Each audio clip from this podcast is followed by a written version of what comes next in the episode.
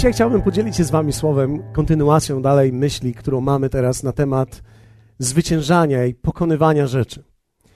Jedną z takich ciekawostek, które zauważyłem przez ostatnie lata, kiedy rozmawiam z wierzącymi ludźmi kiedy patrzę na ich życie, kiedy mamy okazję wspólnie razem przebywać, jedna z rzeczy, która ciśnie mi się, tak?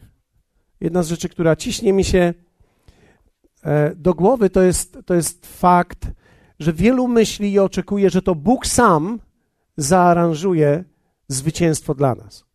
Tymczasem w Księdze Objawienia w 12 rozdziale, nie musicie tego otwierać, w wersecie 11 jest powiedziane, są takie słowa użyte, a oni zwyciężyli go przez krew baranka i przez słowo świadectwa swojego. Zwyciężyli go przez krew baranka i przez słowo świadectwa swojego. Są dwie rzeczy tutaj, oczywiście jest również trzecia, bym powiedział, równie ważna, ale te dwie są bardzo istotne na początku. Zwyciężyli go przez krew baranka. Jak wielu z Was wie o tym, że krew baranka to nie jest coś, co myśmy zrobili, ale to jest coś, co Bóg zrobił. To jest coś, co Bóg zrobił dla ciebie, to jest coś, co Bóg zrobił za ciebie, to jest On umarł za ciebie. Ale również dalej tekst mówi o tym, że oni zwyciężyli go przez krew baranka i przez słowo świadectwa swojego. Słowo świadectwa, słowo, które człowiek wypowiada, to jest już słowo człowieka, nie słowo w tym momencie Boga, ale to jest słowo może Boże, ale to jest słowo wypowiadane przez człowieka. Czyli oni zwyciężyli go przez to, co Bóg zrobił i przez to, co oni zrobili. Boże wyzwolenie i Boży cud w Twoim życiu nigdy nie będzie polegał tylko na tym, co Ty, co On zrobi dla Ciebie ani nigdy nie będzie polegał na tym, co tylko sam człowiek zrobi dla siebie. Ale będzie polegał na tym, prawdziwe chrześcijaństwo to jest umiejętność połączenia tego, co Bóg zrobił i tego, co człowiek robi. Jest jakaś Boża odpowiedzialność, którą On wziął za swoje słowo i za ciebie również, i jest odpowiedzialność, którą my bierzemy za to, aby wypowiadać to słowo i aby działać na podstawie tego słowa.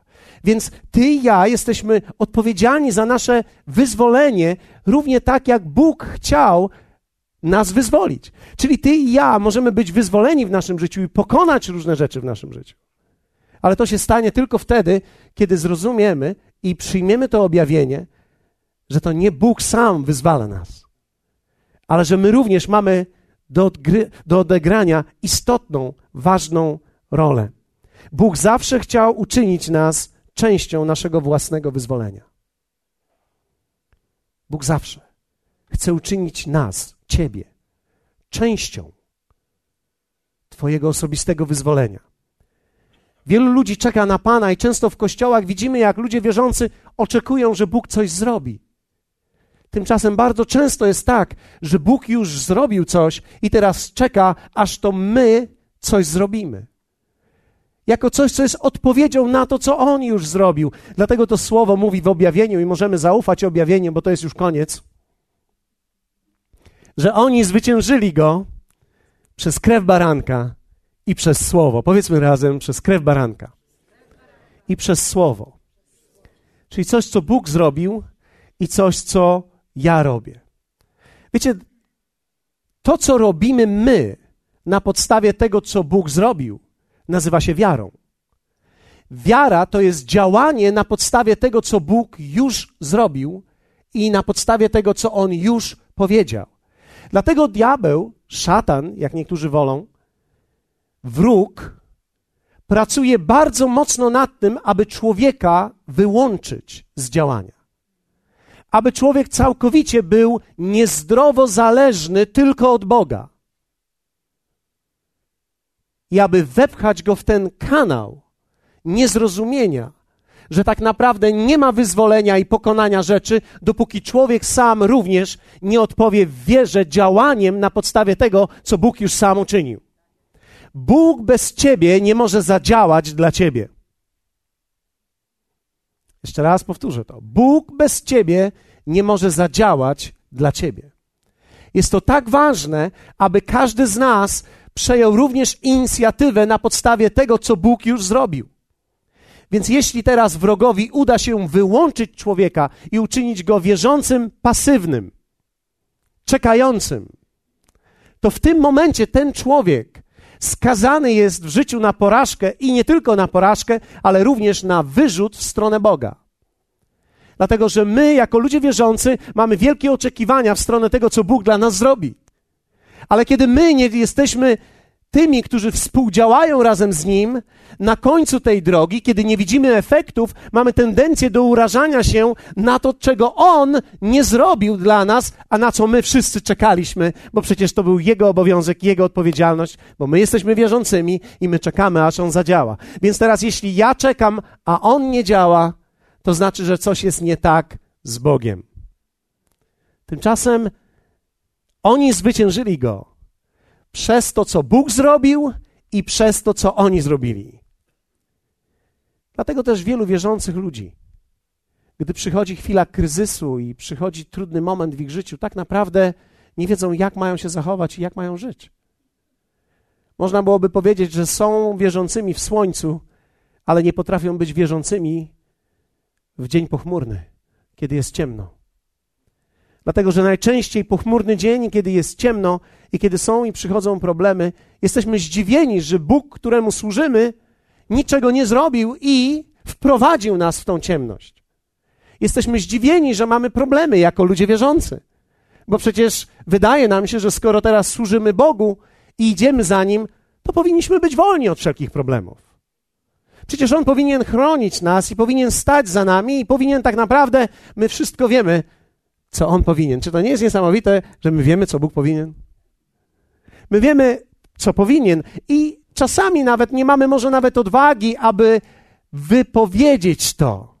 Ale gdzieś w środku wszyscy to czujemy. Bóg powinien zrobić to i Bóg powinien zrobić tamto i tak naprawdę powinien być w tym miejscu i powinien być w tamtym miejscu, a nie było go. To jest bardzo ciekawe, ale tak samo myślą zarówno wierzący, jak i niewierzący. W tym się jakby jednoczymy. I jest jeden z fragmentów, który jest dla mnie niesamowicie intrygujący. To jest fragment z pierwszej królewskiej, 20 rozdziału, werset 28. Posłuchajcie, nigdy nie czytaliśmy tego tekstu jeszcze, ale to jest to jest tekst, który mówi o tym, jak niewierzący ludzie, ale myślę, że wierzący również, wielu z nich ma taką opinię właśnie o Bogu. Wtedy znowu przystąpił mąż Boży do króla izraelskiego i rzekł do niego: tak mówi Pan. Ponieważ Aramejczycy powiedzieli: Pan jest Bogiem gór, a nie jest Bogiem dolin, przeto wydam cały ten ogromny tłum w Twoją rękę i poznacie, żem ja Pan. Opinia ludzka była taka: Bóg jest Bogiem gór, ale nie jest Bogiem dolin. Powiedzmy razem: Bóg jest Bogiem gór, a nie jest Bogiem dolin. Bóg powiedział, ponieważ ludzie tak powiedzieli, Aramejczycy tak powiedzieli, to ja pokażę im, że jestem Bogiem zarówno u góry, jak i jestem Bogiem w dolinie. Czasami, kiedy przychodzą ludzie do kościoła, niektórzy komentują to w ten sposób. A ja nie lubię być z takimi ludźmi, którzy się ciągle uśmiechają. Są sami szczęśliwi ludzie. Dlaczego? Ponieważ z zewnątrz wygląda tak, że Bóg, któremu służymy, jest Bogiem tylko naszych gór. To jest oczywiście nieprawidłowa interpretacja, dlatego że ludzie, którzy się uśmiechają, to nie są koniecznie ludzie, którzy przeżywają górę w swoim życiu. Ale to są ludzie, którzy mogą przechodzić przez dolinę. Uśmiech jednak na ich twarzy nie jest znakiem ich miejsca, jest znakiem ich wiary. Jest oznaką ich zaufania. I to są bardzo szczególni ludzie. Wiecie, życie nigdy nie jest takie, jakie oczekujemy. Życie zaskoczy nas. Rzeczy, które czasami planujemy, nie wyjdą. Rzeczy, które sobie ułożymy, nie będą aż takie cudowne. Mężczyzna, za którego wyszłaś za mąż, niekoniecznie będzie tak idealny, jak wyglądał na początku. Kobieta, z którą jesteś, niekoniecznie będzie taka przyjemna i miła przez cały czas. okoliczności życia, w których się znajdziemy, niekoniecznie będą takie przyjazne nam. Może się zdarzyć, że człowiek wierzący, ufający Panu, straci pracę. Nie może znaleźć pracy. Może się zdarzyć, że człowiek, który daje i całego siebie poświęca, tak naprawdę przez jakiś sezon i okres w jego życiu wcale nie jest lepiej, ale może być gorzej. Jesteśmy zdziwieni poddani wtedy na jedną z największych rzeczy, którą jest uraza. I dzisiaj o tym chciałbym chwilę mówić, jak pokonać urazę w swoim życiu, dlatego że wierzę w to, że kiedy człowiek nie pokona urazy, zatrzyma się. Jest wiele osób. Pamiętam, któregoś dnia rozmawiałem z jednym z kapłanów ruchu charyzmatycznego w Polsce i on powiedział mi, że jest ponad milion urażonych animatorów i liderów w kościele. I wiecie, ja nie wiem, czy to są prawdziwe liczby dzisiaj. Oczywiście, że mogą być przesadzone, ale wydaje mi się, że nawet jeśli nie jest ich milion, a pół miliona, to w dalszym ciągu jest dużo. Moje serce tak naprawdę woła o te pół miliona ludzi i o tych wszystkich ludzi, którzy z powodu urazy w swoim życiu i urazy, której nie przeszli, zatrzymali się gdzieś.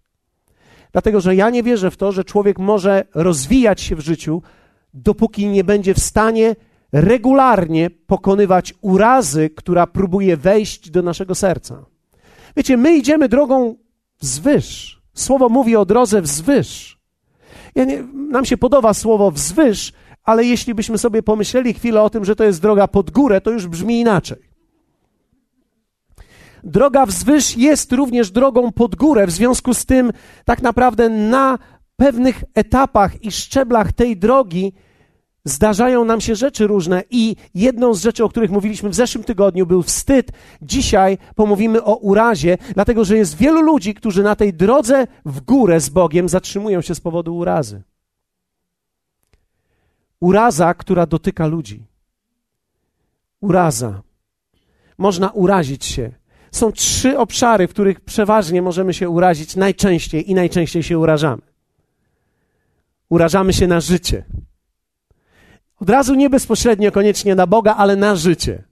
Szczególnie kiedy człowiek jest młody i pełen ambicji, tak naprawdę rozpościera swoje ręce i chce powiedzieć: Witaj życie, oto się pojawiłem, teraz cię zdobędę. Ale wiecie, wystarczy żyć parę lat, żeby z różnych stron dostać parę ciosów. I kiedy człowiek dostanie parę ciosów, uraża się na życie i chowa się czasami jak taki ślimak, który chowa się z powrotem do swojej muszli. Chrześcijaństwo to nie jest jednak omijanie problemów, ale to jest zwyciężanie w nich.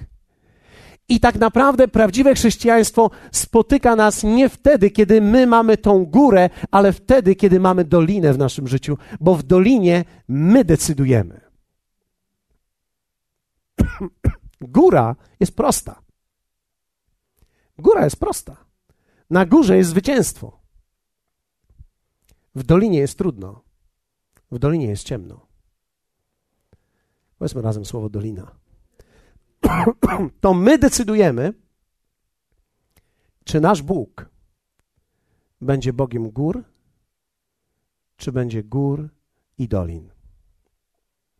Czy będzie Bogiem gór i dolin. Pierwszy Piotra 4, 12, 13 są to teksty, które większość z nas nie podkreśla w naszym życiu. Popatrzmy.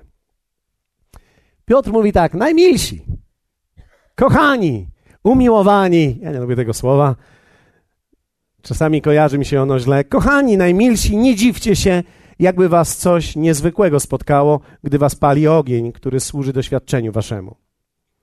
Ale w tej mierze, jakiej jesteście uczestnikami cierpień Chrystusowych, radujcie się, abyście i podczas objawienia chwały Jego radowali się i weselili. Wiecie, apostoł Piotr mówi tak, że w momencie, kiedy przychodzą trudne momenty w waszym życiu, nie dziwcie się temu. Nie bądźcie zdziwieni, że jest trudno, ale radujcie się. Dlaczego mówi nie dziwcie się? Bo zdziwienie jest najczęstszą reakcją człowieka. Kiedy idę za Bogiem i coś się dzieje nie tak, jestem zdziwiony, ponieważ zadajemy pytanie: Boże, co się stało? Czy coś nie styka między nami? Czy coś jest nie tak? Boże, przecież ja tutaj jestem. Przecież ja Tobie służę, przecież jestem razem z Tobą, mamy relacje razem. Boże, czy my się już nie znamy? Wtedy Piotr mówi: Ale w tej mierze, w jakiej jesteście uczestnikami cierpień Chrystusowych, radujcie się. Powiedzmy razem, radować się. Jak wielu z Was chciałoby wypracować w sobie reakcję radości w momentach trudnych? Reakcja radości w momentach trudnych, ona nie jest naszą pierwszą reakcją. Być może pierwsza reakcja to jest zdziwienie, być może pierwsza reakcja, ta chwilowa, to jest taki moment zaszokowania, coś się dzieje ze mną, ale tak naprawdę, kiedy wejdziemy głębiej, możemy sobie powiedzieć: Bóg jest nad tym wszystkim, On mnie nie opuścił, On mnie nie zostawił, więc jeśli On jest, ja jestem w stanie to przejść. Bóg nigdy nie pozwoli, abyś nie przeszedł czegoś, przez co każdy człowiek może przejść wzmocniony Jego łaską. Ale w tej mierze, jakiej jesteście uczestnikami cierpień, radujcie się, abyście i podczas objawienia chwały Jego radowali się i weselili. A Jakub, brat pański, pisze to tak. Poczytujcie to sobie za najwyższą radość, bracia moi, gdy rozmaite próby przechodzicie. Powiedzmy razem to słowo próby. Próby, presje, Poczytujcie to sobie za najwyższą radość. Najwyższą radość, nie radość, najwyższą radość, gdy rozmaite, trudne próby przechodzicie. Wiecie, spotkałem ludzi, którzy zadają często pytanie: Gdzie był Bóg, gdy ja przez to przechodziłem? Gdzie był Bóg, gdy ja przez to przechodziłem. W tym tygodniu miałem okazję słuchać jednego z najbardziej wstrząsających w moim życiu świadectw. Pewnej kobiety z kościoła biskupa Tonego Millera z Oklahomy. Kobieta ta opowiadała o swojej historii i o tym, co jej się przydarzyło.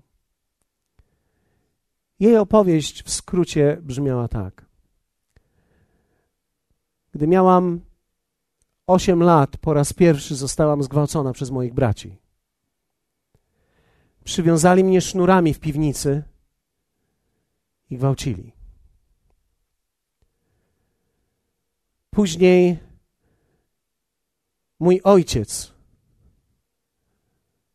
robił to każdego wieczoru. Bałam się każdej nocy. Bałam się, że zastuka do mnie. Byłam gnębiona i niszczona, i po dziś dzień noszę ślady powrozów, którymi wiązali mnie. Kiedy miałam 19 lat, wyszłam za mąż. Mówi, wyszła za mąż i miała dwójkę dzieci. Mąż wyjechał do Wietnamu i tam został złapany i przez rok czasu był w więzieniu. Po powrocie z Wietnamu zaszła po raz kolejny w ciążę z bliźniaczkami. Mąż, kiedy wrócił, wrócił nie do poznania jako człowiek okrutny, którego nie była w stanie już rozpoznać. Bił ją i kopał, i jedną z awantur Jedna z awantur zakończyła się tak, że w siódmym miesiącu z bliźniakami skopał ją tak, że jedno z nich umarło, a drugie urodziło się i natychmiast zostało, zostało przeprowadzone kilka operacji na nim i dziecko to żyło rok i trzy miesiące. Po roku i trzech miesiącach zmarło.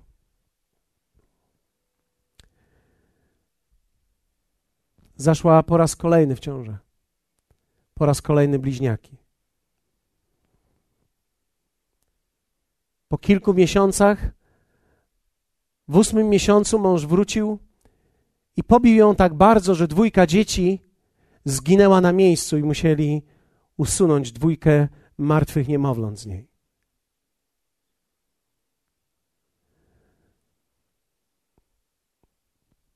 Pomyślała sobie, to już jest koniec. Wykorzystywał ją i kiedy pijany wrócił któregoś dnia zdeterminowana, nie wiedząc, co ma zrobić, strzeliła. Nie trafiła go. Zraniła go tylko. Dostała wyrok usiłowania zabójstwa i w więzieniu ktoś powiedział jej o Jezusie. Mówi, miałam rodzinę bardzo religijną, ale sama nigdy tak naprawdę nie żyłam dla Pana.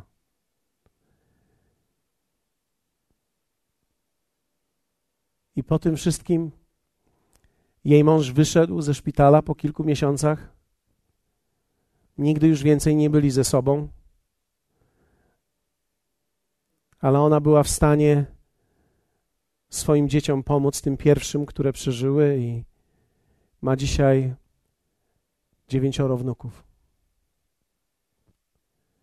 Mówi, kiedy poznałam Pana, prosiłam Go, żeby mi pomógł. I Jezus, który zawsze przychodzi, pomógł mi przebaczyć mojemu mężowi. I ja widziałem ją, jak ona stała, mając dzisiaj już 60 parę lat w kościele, pokazując: Jestem wolna od nieprzebaczenia. Jezus mnie uwolnił. Nie tylko Jezus uwolnił ją, ale pozwolił jej pojechać do męża.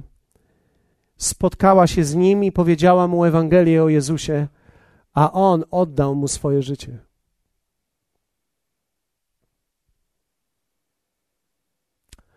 Wielu ludzi może zadać pytanie, gdzie był Bóg wtedy, gdy to wszystko się działo. Można odpowiedzieć, jak wielu wierzących odpowiada, Bóg jest z nami zawsze i to jest prawdą, ale wierzcie mi, wiedza jest czymś innym niż objawienie. Myślę, że na pytanie, gdzie był Bóg, gdy mi się takie rzeczy przydarzały, nie ma odpowiedzi z zewnątrz. Ani również nie sądzę, że Bóg przyjdzie i ci odpowie: O, przepraszam cię, że mnie wtedy nie widziałeś, byłem wtedy tam. Bóg nigdy nie tłumaczy się przed nami.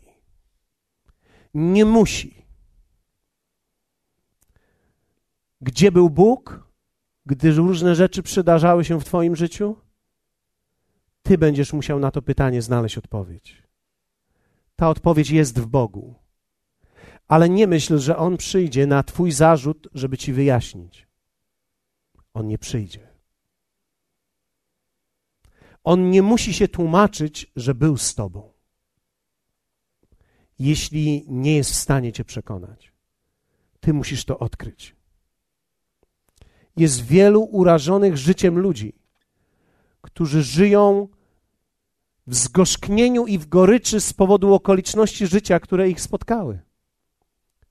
Ludzi, którzy tak naprawdę dzisiaj nie mogą się radować i cieszyć, bo żyją w tej goryczy z tego powodu, co stało się kiedyś. Życie może nas urazić, ale nie pozwól, aby cię to zatrzymało. Bóg był i będzie zawsze z tobą. Bóg zawsze pomoże ci wyjść z tego, w czym jesteś, ale musisz mu pozwolić. Musisz pokonać urazę związaną z życiem i okolicznościami. Pokonać urazę. Ludzie cię również urażą. Zobaczyłem to i to jest dzisiaj nasz punkt drugi. Ludzie cię urażą. I ludzie mogą być powodem naszej urazy. Szczególnie bliscy nam ludzie, którzy powinni być w jakimś miejscu, a nie byli. Przez, myślę, wiele lat myślałem i żyłem w urazie w stosunku do mojego ojca, który zostawił mnie i moją mamę, gdy miałem 7 lat. I nie, niezależnie od tego, jakie były okoliczności i czyja była wina, ponieważ tu nie o winę chodzi. Dramat jest zawsze dramatem dla dziecka. Żyłem w urazie przez wiele lat. Pamiętam do dzisiaj, kiedy śpiewano piosenkę w kościele Ojcze. Jest taka jedna z pięknych pieśni. Ja nigdy nie myślałem o Bogu, ale zawsze myślałem o moim Ojcu, którego nie ma. I myślałem o nim z wyrzutem. Ponieważ to wcale nie jest tak w życiu, że ludzie zawsze będą tam, gdzie powinni być. Nie zawsze twoi przyjaciele będą tam, gdzie powinni być. Nie zawsze twoi najbliżsi ludzie będą tam, gdzie powinni być. Nie zawsze twoi rodzice byli tam, gdzie powinni być. Ludzie powinni czasami, nam się wydaje, pomóc nam. Nam się czasami wydaje, że ludzie mają siłę, żeby nam pomóc, patrząc na naszą krzywdę, jednak nic nie robią. Łatwo jest wtedy się urazić. Szczególnie kiedy żyjesz w jakimś braku, a obok ciebie żyje ktoś, kto ma, zastanawiasz się, dlaczego on, mając w Twoich oczach tak wiele, nie pomaga teraz Tobie, skoro Ty nie masz. My nie znamy okoliczności i my nie wiemy, ale stajemy się często sędziami tych ludzi i żyjemy w urazie do nich, być może nawet nigdy nie mówiąc im o tym tego. Są ludzie w życiu i będą tacy ludzie w naszym życiu i w życiu każdego z nas, którzy powinni nam pomóc w naszych oczach, ale nigdy nam nie pomogli. I nigdy się nie dowiemy, dlaczego nam nie pomogli, i nie powinniśmy żyć urazą względem nich, bo żyjąc urazą osądzamy ich, a nie wolno nam tego robić. Dlatego, że jeśli mamy i naciskamy w naszych sercach ludzi, którzy powinni nam pomóc, tracimy zaufanie do Boga, który nas widzi, który może nam pomóc. I bierzemy zamiast na celownik Jego i tego, który nas zaopatruje, ludzi. I wyznaczamy, ten powinien mi pomóc, i ten powinien mi pomóc, i ci powinni mi pomóc, a nikt mi nie pomaga. I możemy się urazić. Ludzie urażają nas, którzy nie chronili nas, gdy potrzebowaliśmy pomocy. Czasami Jesteśmy w momencie i w miejscu zagrożenia, a nie było kogoś, kto mógłby nas ochronić. I urażamy się na ludzi. Żyjemy w nieprzebaczeniu, żyjemy w dystansie do nich, żyjemy w izolacji od tych ludzi. Czasami możemy żyć nawet w pewnym takim cichym poczuciu goryczy i urazy. Czasami nie mamy odwagi, żeby im o tym powiedzieć. Po prostu mamy dystans do nich, może się nawet uśmiechamy, cześć ale w środku mamy pewną opinię o nich. W środku gdzieś widzimy ich jako tych, którzy powinni, a jednak czegoś nie zrobili. Którzy powinni nas zrozumieć, a nas nie rozumieją. Stajemy się wtedy sędziami ludzi. Stajemy wtedy w miejscu Boga i mówimy: Ty powinieneś nie zrobiłeś tego, i ty powinieneś nie zrobiłeś tego, a tak naprawdę człowiek powinien spojrzeć na swoje życie i powiedzieć i zadać sobie pytanie, komu ja mogę pomóc? Dlatego, że w życiu można odgrywać wiele lat pozycję ofiary, żerując na wszystkim, co jest wokół mnie i będąc urażonym na to, co nie działa w życiu innych. Ludzie urażą nas. Możemy odczuwać tą urazę. Najpiękniejszą rzeczą jest jednak przebaczenie. Kiedy widziałem tą kobietę, kiedy spojrzałem na nią, ona stanęła tam z przodu, po uwielbieniu, wyszła i mówi: To ja jestem. Podniosła ręce i mówi: Jestem wolna. Wolna od urazy, wolna od nieprzebaczenia.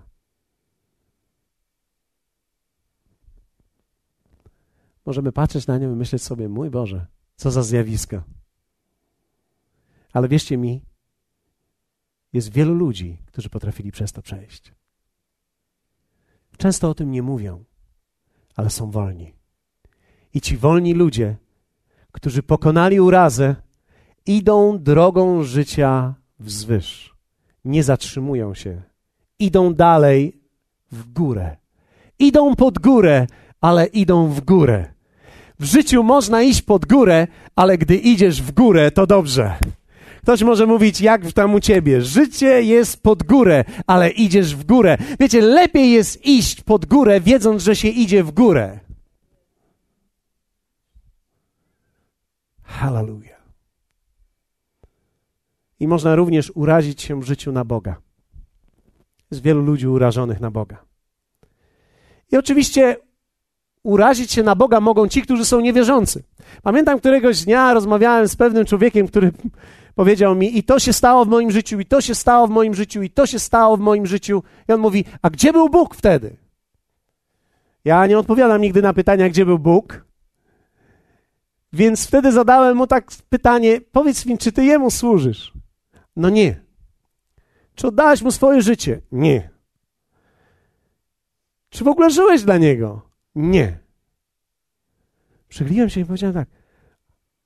A czy ci wpadło kiedyś do głowy, dlaczego On miałby zrobić to wszystko dla ciebie, co ty chcesz, kiedy ty nie idziesz za nim?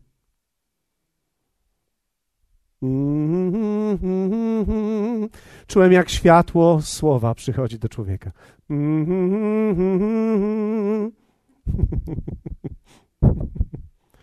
Wiecie, my jesteśmy ludźmi, żyjemy w takich sytuacjach. Czasami się dziwimy, e, jeśli ktoś z Was ma podpisaną umowę z jakąś, e, z jakąś usługą, e, jakąś linią telefoniczną, jak to się nazywa, z jakimś operatorem, tak? My mówimy operator. Masz podpisaną umowę z jakimś operatorem i jesteś w jakiejś sieci. Czy jesteś zdziwiony, że ta druga sieć inna nie udziela ci usług i nie czyni nic dobrego dla ciebie? Że w razie, gdy tracisz tą sieć, nagle przeskakuje na tą i wpada ci SMS i mówi: Przepraszamy, straciłeś swoją własną sieć, pomyśleliśmy, że będziesz potrzebował naszego zasięgu, więc oto jesteśmy. Nie, w życiu rozumiemy, jak jesteś podpisany w jednej sieci i straciłeś tą sieć, to jesteś w czarnej dziurze. I kiedy jesteś w czarnej dziurze, nie masz pretensji, bo pytasz obok sąsiada i sąsiad mówi, a ja jestem w tej sieci i mam zasięg pełny. Myślisz sobie, mój Boże, czemu moja nie wskoczyła na ten zasięg? No twoja się straciła. I my wtedy rozumiemy, że tak naprawdę nie mamy telefonów na wszystkie sieci. Mamy telefon z umową na jedną sieć. Jeśli nie podpisałeś umowy z Bogiem na Jego sieć, nic dziwnego, że w życiu siedzisz w czarnej dziurze i zastanawiasz się, dlaczego, dlaczego mój telefon nie odbiera, dlaczego ja nie funkcjonuję, dlaczego inni mówią, mam doskonały sygnał, a ty patrzysz i mówisz, nie, widzę, że jest jakiś zasięg, ale ja nie. Widzisz, to właśnie na tym polega. Trzeba podpisać właściwą umowę.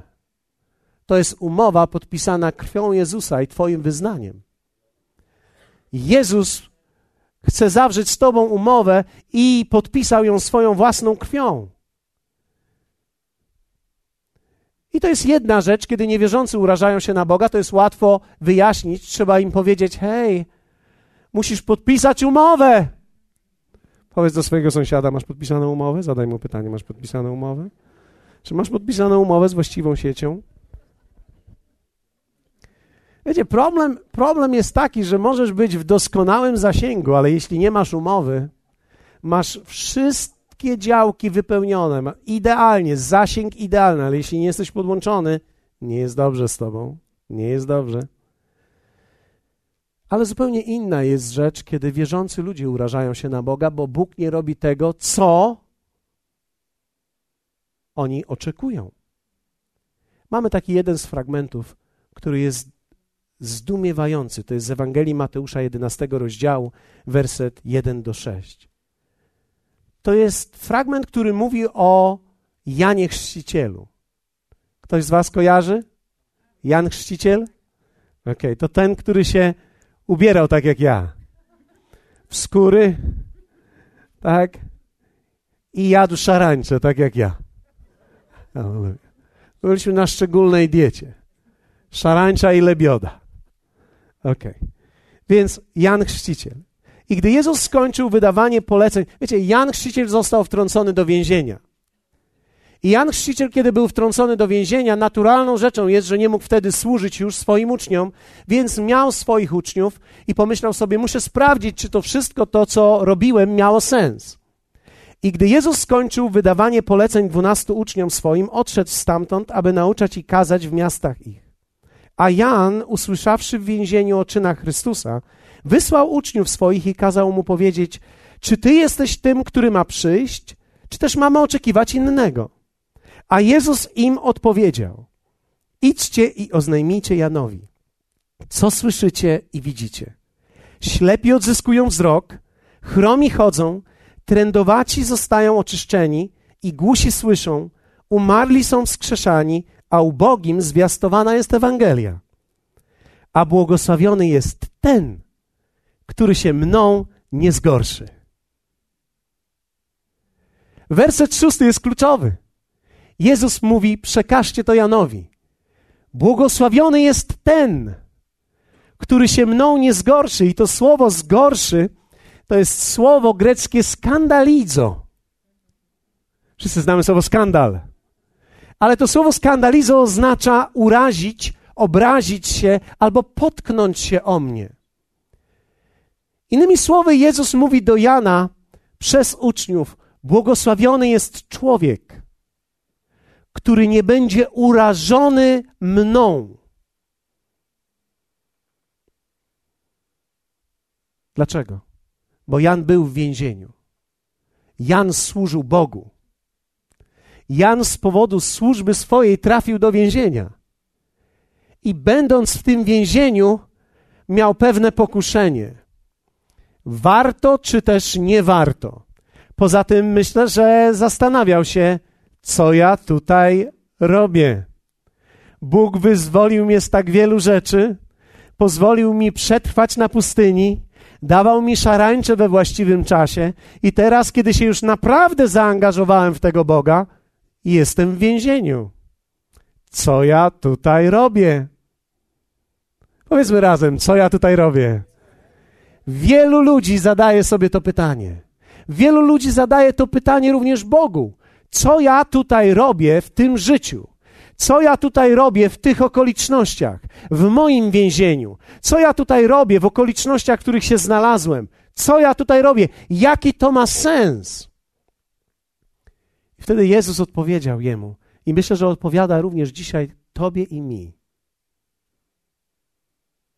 Błogosławiony jest ten, który się nie obrazi tym, jak ja działam. Błogosławiony słowo oznacza szczęśliwy. Szczęśliwy jest człowiek, który nie będzie urażony tym, jak ja działam. Można byłoby powiedzieć, kiedy się nie urazisz, Janie, będziesz szczęśliwy nawet w tym więzieniu. Czy można być szczęśliwym człowiekiem, radosnym w trudnych okolicznościach? O tak. O tak. Oczywiście, że tak. Słowo wcześniej nam mówiło, że nawet w trudnych okolicznościach nie dziwcie się temu, że je macie, ale radujcie się. Nie dziwcie się, że przychodzą na was różne sytuacje, radujcie się. Nie, nawet kiedy służycie Bogu, wcale nie oznacza, że kiedy służysz Bogu będzie lepiej, może być trudniej. Może być ciężej. Czasami możesz znaleźć się w sytuacji, w której nie wiesz, dlaczego znalazłeś się, w zasadzie innym jest lepiej. I my wiemy, jaki był koniec Jana. Jezus nie przyszedł i nie powiedział: Janie, ja nie wiedziałem, ty jesteś moim przecież kuzynem, że ty jesteś w więzieniu. No, gdybym wiedział, to bym poszedł i cię wyzwolił.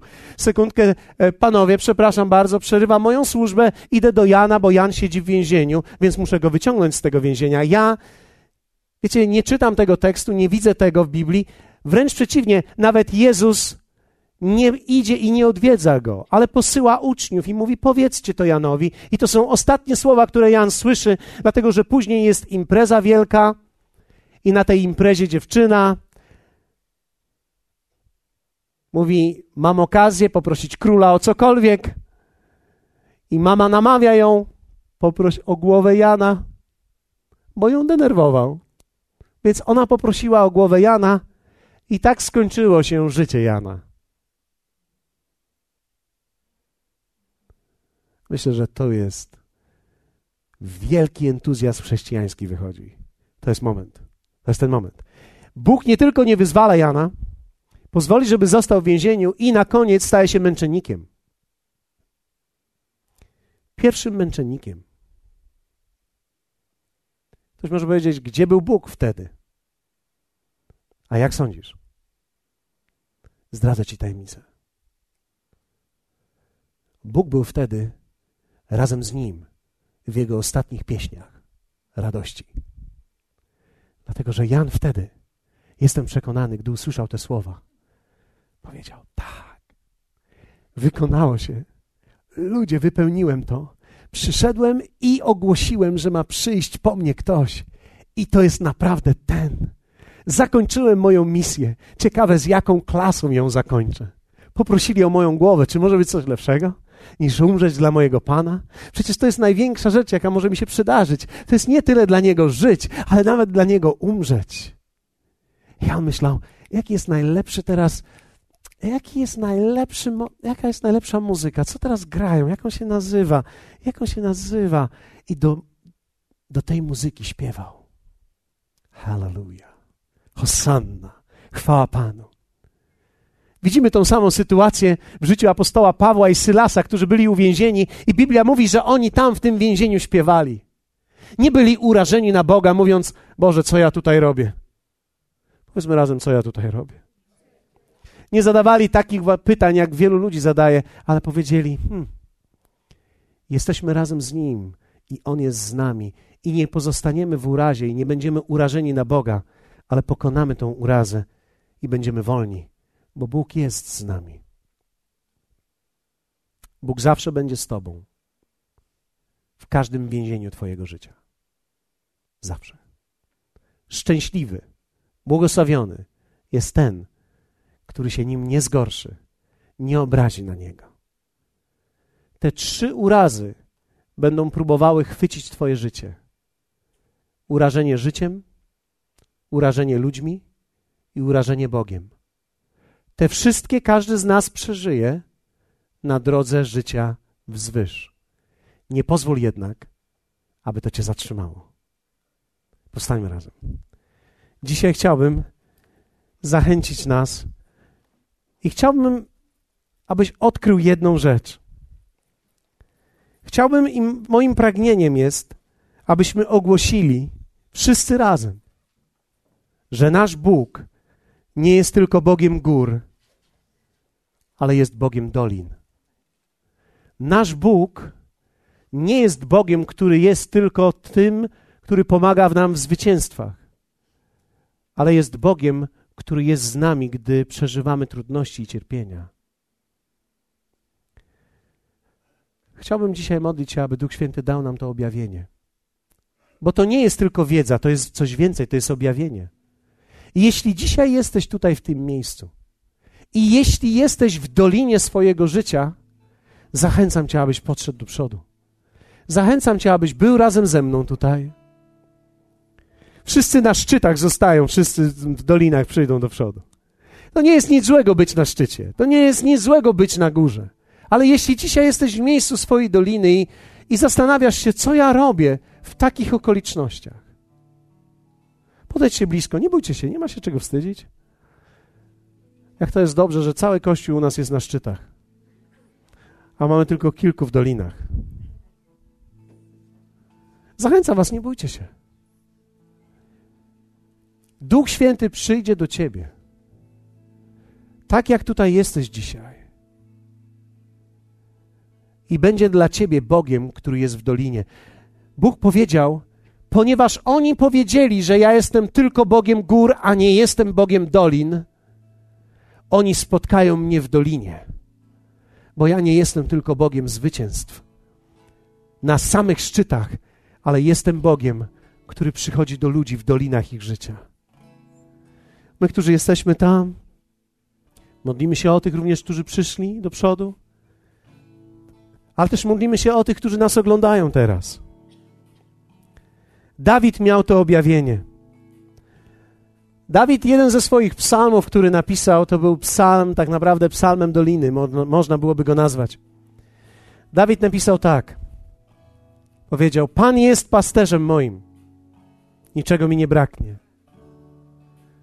Na niwach zielonych pasie mnie, nad wody spokojne prowadzi mnie. Duszę moją pokrzepia, wiedzie mnie ścieżkami sprawiedliwości ze względu na swoje imię. Choćbym nawet szedł ciemną doliną, zła się nie ulęknę, boś Ty ze mną. Tu jest odpowiedź, gdzie jest Bóg. I to nie jest odpowiedź, którą ma ktoś dać Tobie, to jest odpowiedź, która musi w Tobie powstać, tak jak powstała w Dawidzie. To Dawid powiedział: Choćbym szedł ciemną doliną, zła się nie ulęknę, boś Ty ze mną. Laska Twoja i kij Twój mnie pocieszają. Zastawiasz przede mną stół wobec nieprzyjaciół moich. Namaszczasz głowę, oliwą głowę moją, kielich mój przelewa się.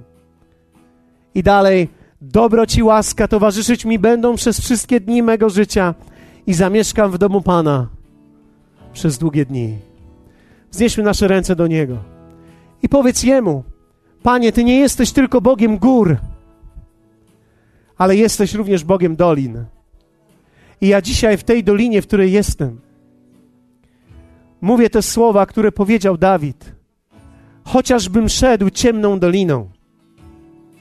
Powiedz to głośno. Chociażbym szedł ciemną doliną. Zła się nie ulęknę, boś Ty ze mną. Nie, nie, nie słyszę Was. Ty musisz sam siebie usłyszeć. Boś Ty ze mną, powiedz to Jemu, boś Ty ze mną. Pomóżmy im, pomóżmy im, bo oni są w tej dolinie, nie słychać ich dobrze. Ty z gór słychać lepiej. Uwaga, powiedzmy razem, boś Ty ze mną. Boś Ty ze mną. Laska i kij Twój mnie pocieszają.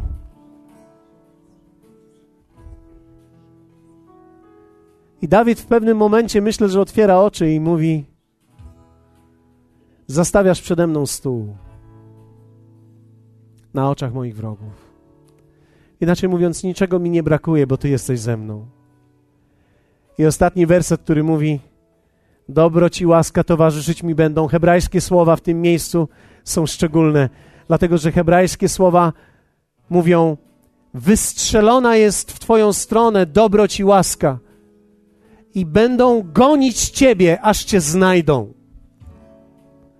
Dobroć i łaska wystrzelona są w Twoją stronę i będą Cię gonić, aż Cię złapią.